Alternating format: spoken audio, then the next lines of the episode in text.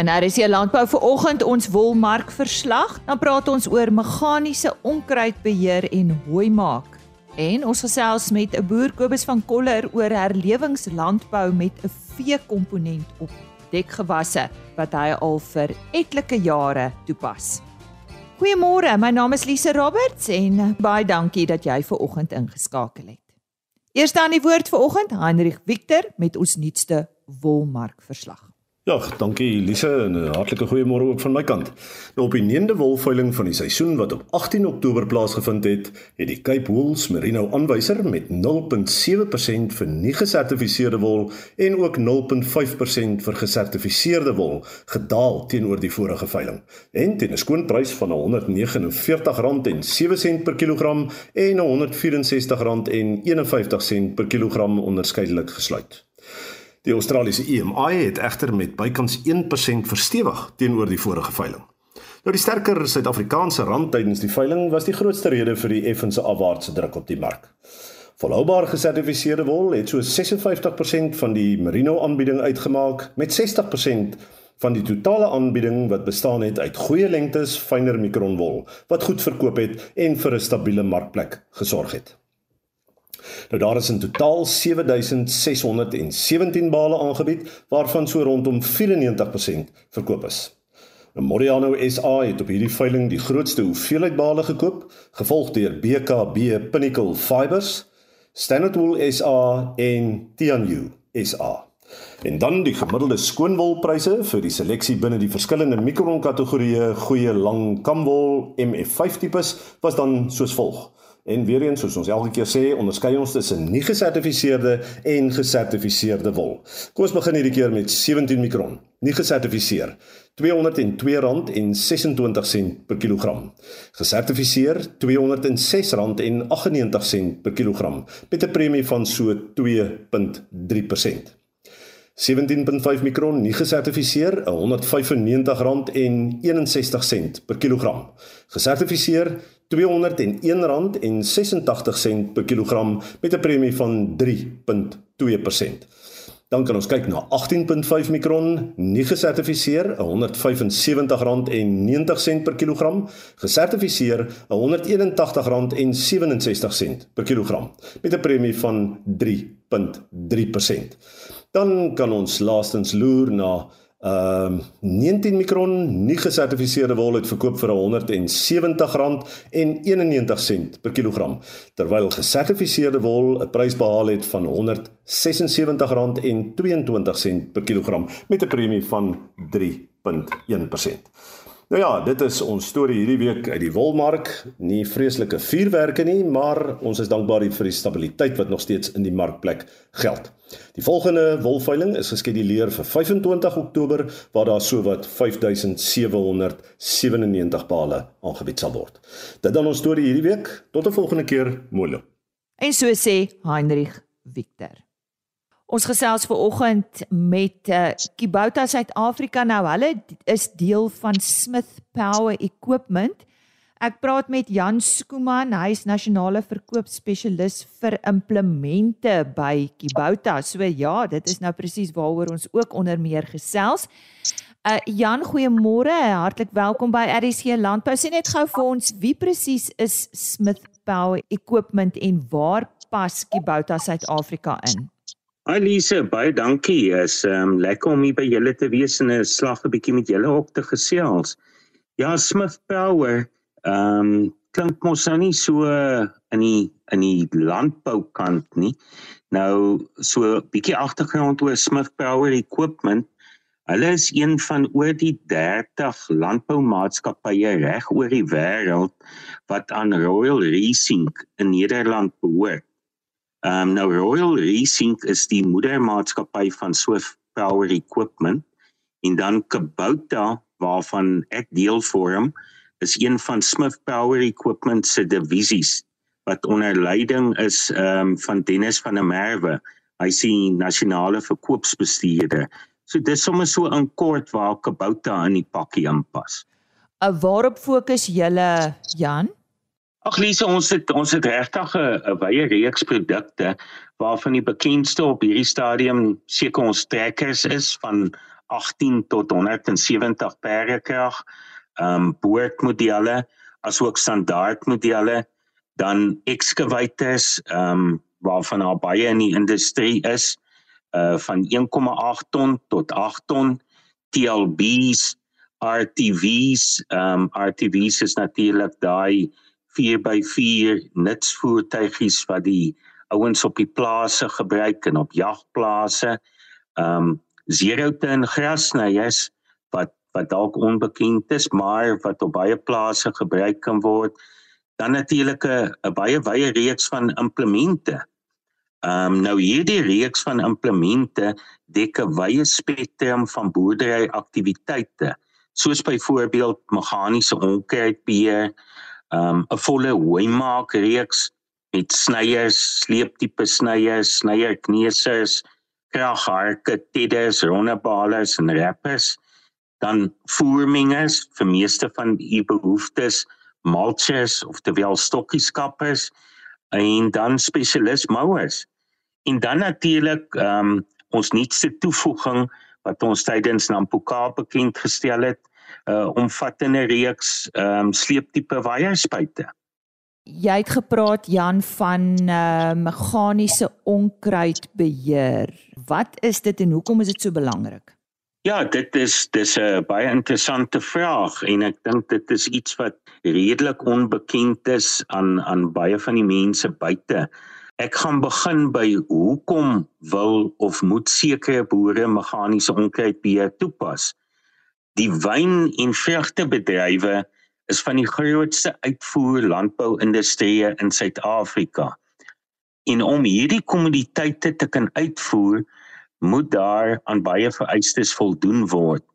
Nou een van die groot vereistes om is om in leuke taal, ehm um, as ek dit nou in maklike taal vir die luisteraar kan verduidelik, 'n chemikalievrye produk aan die buiteland te kan voorsien.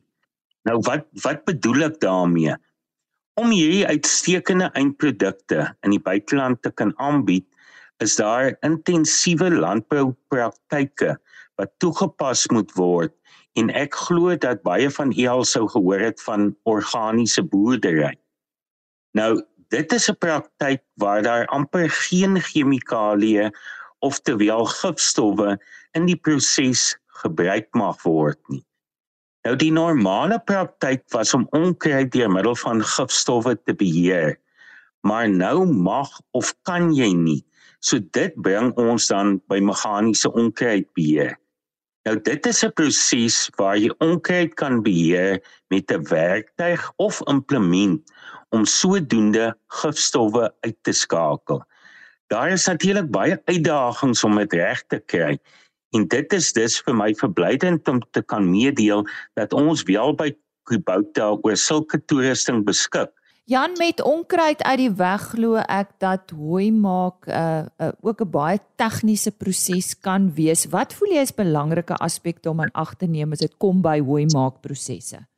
Ja, Lise, alles begin natuurlik by grondvoorbereiding en plant.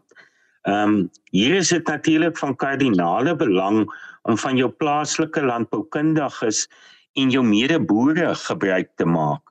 Ehm um, tweedens moet jy dan sorg dat die hooi sy regte voeding kry tydens die groeiproses om optimale produksie te kan verseker.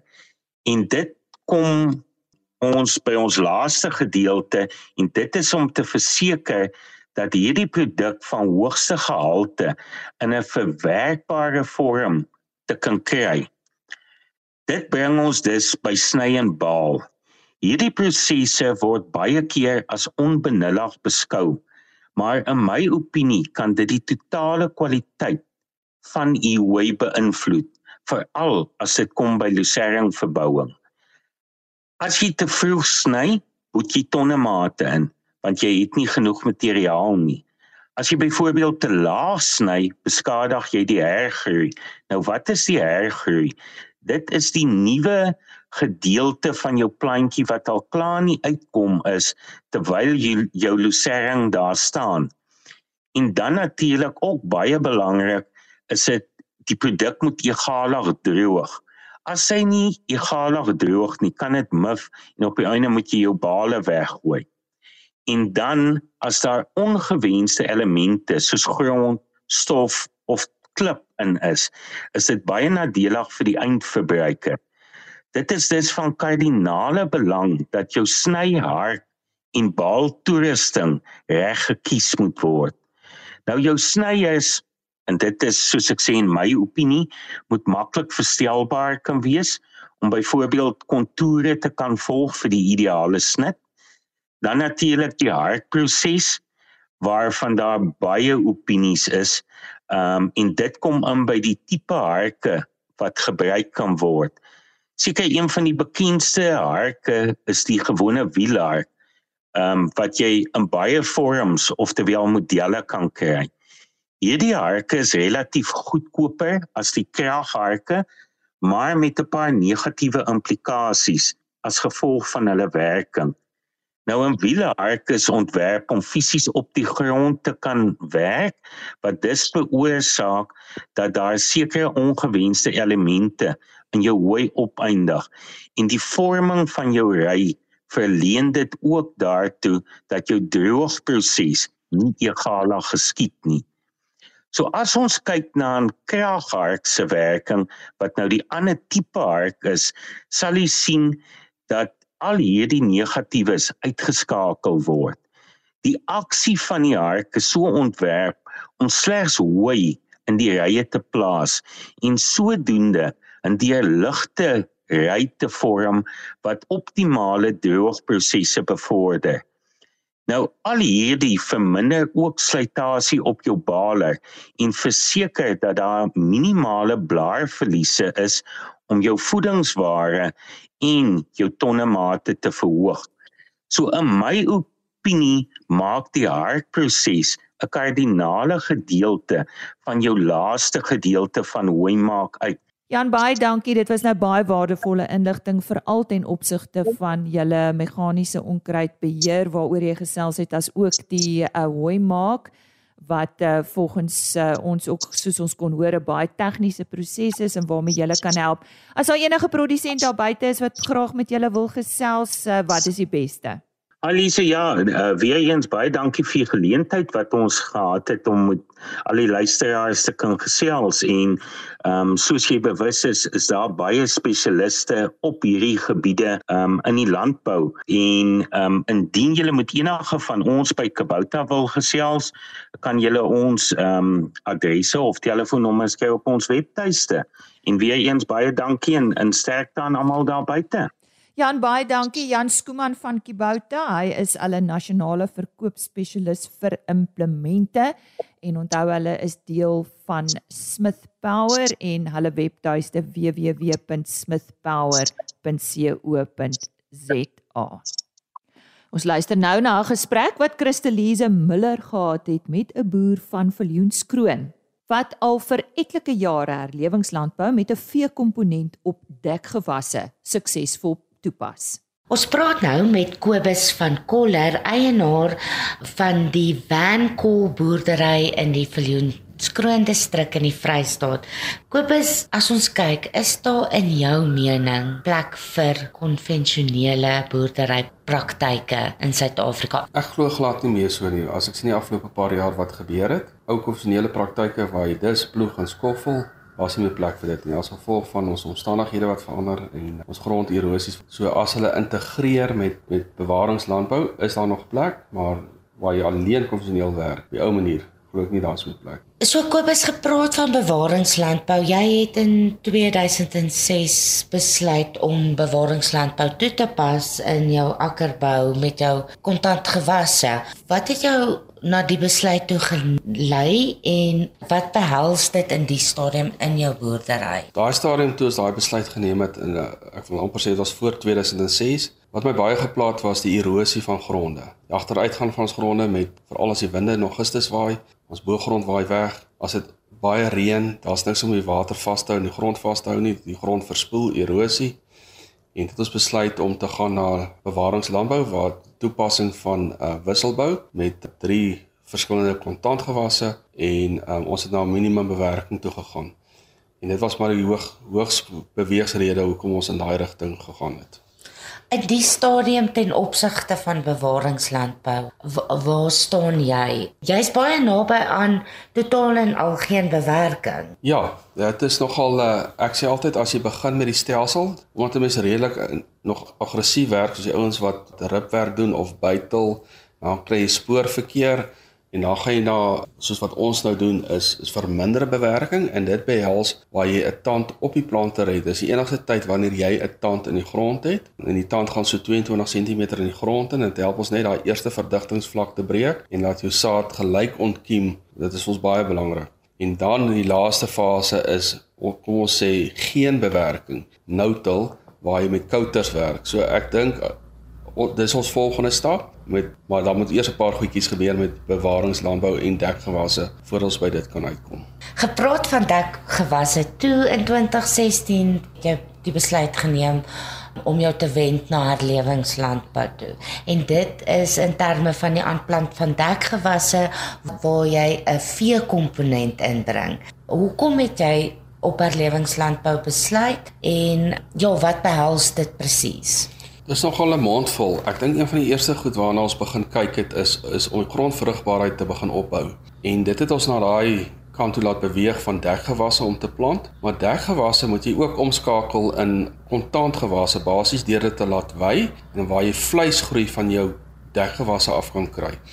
Nou dit het ons gehelp waar ons verskillende wortels in plante in die grond sit wat verskillende um, ek wil amper sê verskillende doele bereik met die tipe van grond. Party sal vir jou stikstof bindend wees, party plante sal alwurm beheer, ander sal byvoorbeeld vir jou materiaal, baie materiaal op die grond los, want ons het toe begin besef jy moet soveel as moontlik materiaal kry om jou grond te bedek, te beskerm, verdamping te beperk van oop gronde wat skoon lê.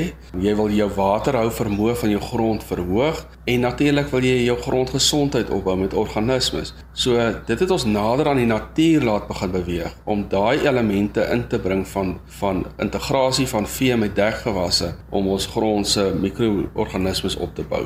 En jy plant somerdekgewasse en dan winterdekgewasse met 'n hoë druk beweiding. Verduidelik vir ons kortliks. Ek weet dit is 'n mondvol. Ja, dis 'n dis dit was 'n protokol proses waar ons moes uitkom. Wat werk en wat werk nie. So dit was ook maar 'n basis waar jy moes leer en foute maak en op hierdie stadium by ons wat werk is wat ons sien, omdat jou kontantgewasse soos 'n sonneblom en soja nie baie materiaal reste op die grond los soos in mielies nie. Mielies kan jy dit los vir die volgende jaar vir 'n weer 'n ander kontantgewas soos 'n sonneblom vir soja.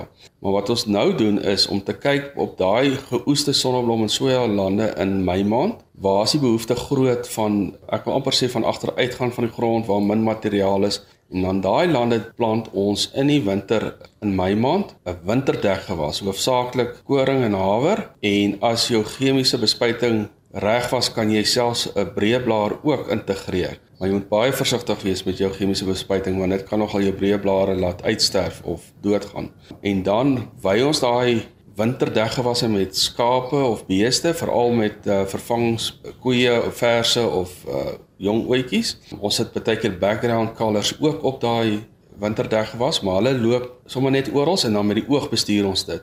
En dan hierso in November met ons eerste reëns plant ons direk in daai winterdek gewas, plant ons 'n somerdek gewas en daai bestaan uit 'n mengsels uit van ses tipe verskillende plante soos 'n babala en 'n soetsorghum, brassicas met ander woorde Japaneese radyse, akkerbone, sanem, so 'n paar gemengde goed en dit is wat ons die biodiversiteit skep in die grond van verskillende gewasse. En hoofsaaklik gebruik jy jou somerdek gewasse om speenkalwers op af te rond. Daai is ons baie belangrik, um, want die speenkalvers integreer ons in die dekgewasse, in die veral in die somerdekgewasse en ons doen hoë druk beweiding waar hulle hulle elke dag of tweede dag skuif afhangend hoeveel die materiaal gevreet is, die plantmateriaal want jy wil graag van dit oorlos, laat daar oorbly en laat daar hergroei plaasvind en laat jy weer kan kom terugwy. En dit is waar jy dan die kontant omskakel van vleis met die beweiding van kalvers op dit. En in die proses verryk daai diere jou grond en bou jou grondgesondheid op.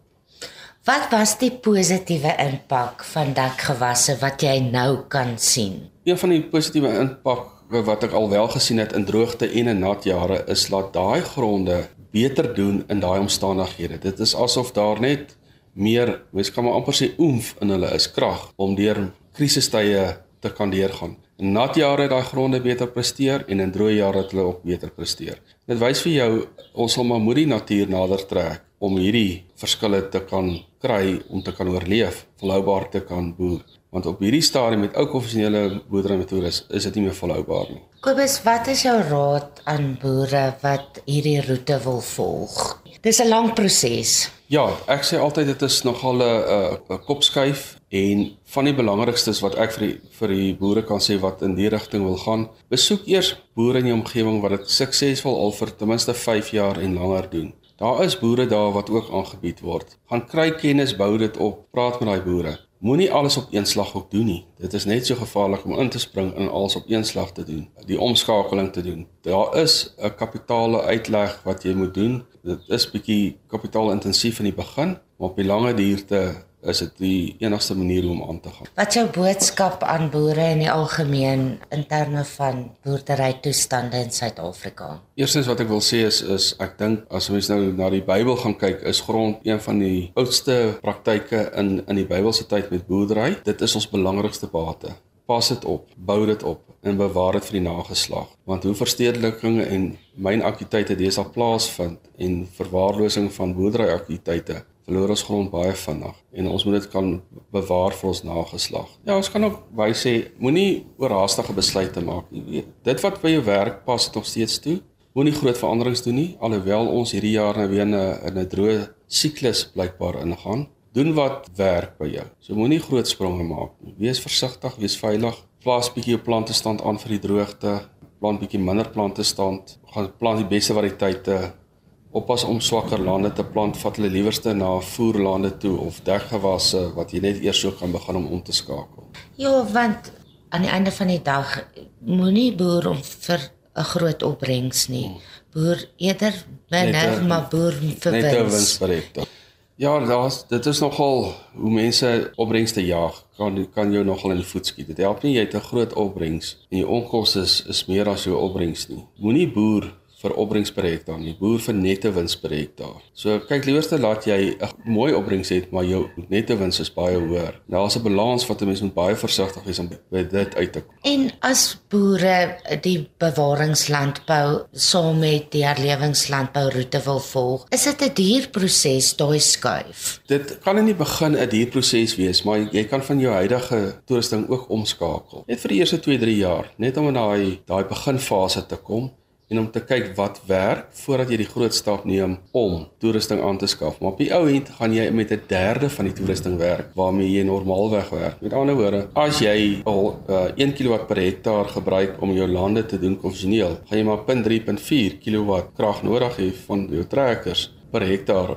So dit is al klaar 'n derde van wat jy sou gebruik het. So ook minder toerusting, minder personeel, arbeid, lone, salarisse. So dit op die ou maak dit 'n wesenlike impak. Brandstof. Brandstof. Elke uur wat jy op 'n trekker sit ook, is nie net die brandstof wat jy verbrand nie. Dit is die ware vermindering, dis die agteruitgang van die trekker. Dit is dit is dit is groot enorme kostes. Waar ons in die verlede, ek amper sê, het ons 'n trekker maklik 1000 uur plus per jaar op 'n trekker gesit om ons konvensioneel te bewerk. Doen 'n trekker nou skaarse diens. Hy doen 250 300 uur en dan dan is hy klaar vir die seisoen. So ons trekkers word eintlik meer oud as wat hulle klaar raak van hoë ure met die bewerkings wat ons nou doen. Dit is 'n baie rustiger, kalmer boerdery metode as die gejaag van die ander een. 'n Wen-wen situasie. Wen-wen. Dankie Kobus. Chris Elise Miller daar gesprek met Kobus van Koller, eienaar van Vankaal Boerdery in die Viljoenskroon distrik. Dis dan vir my tyd om te groet. Baie dankie vir jou tyd vanoggend. Maak gerus môre oggend weer so. So selfs dan onder meer met die Agri Limpopo jongboer van die jaar, JJ Denison. Tot môre dan. Totsiens.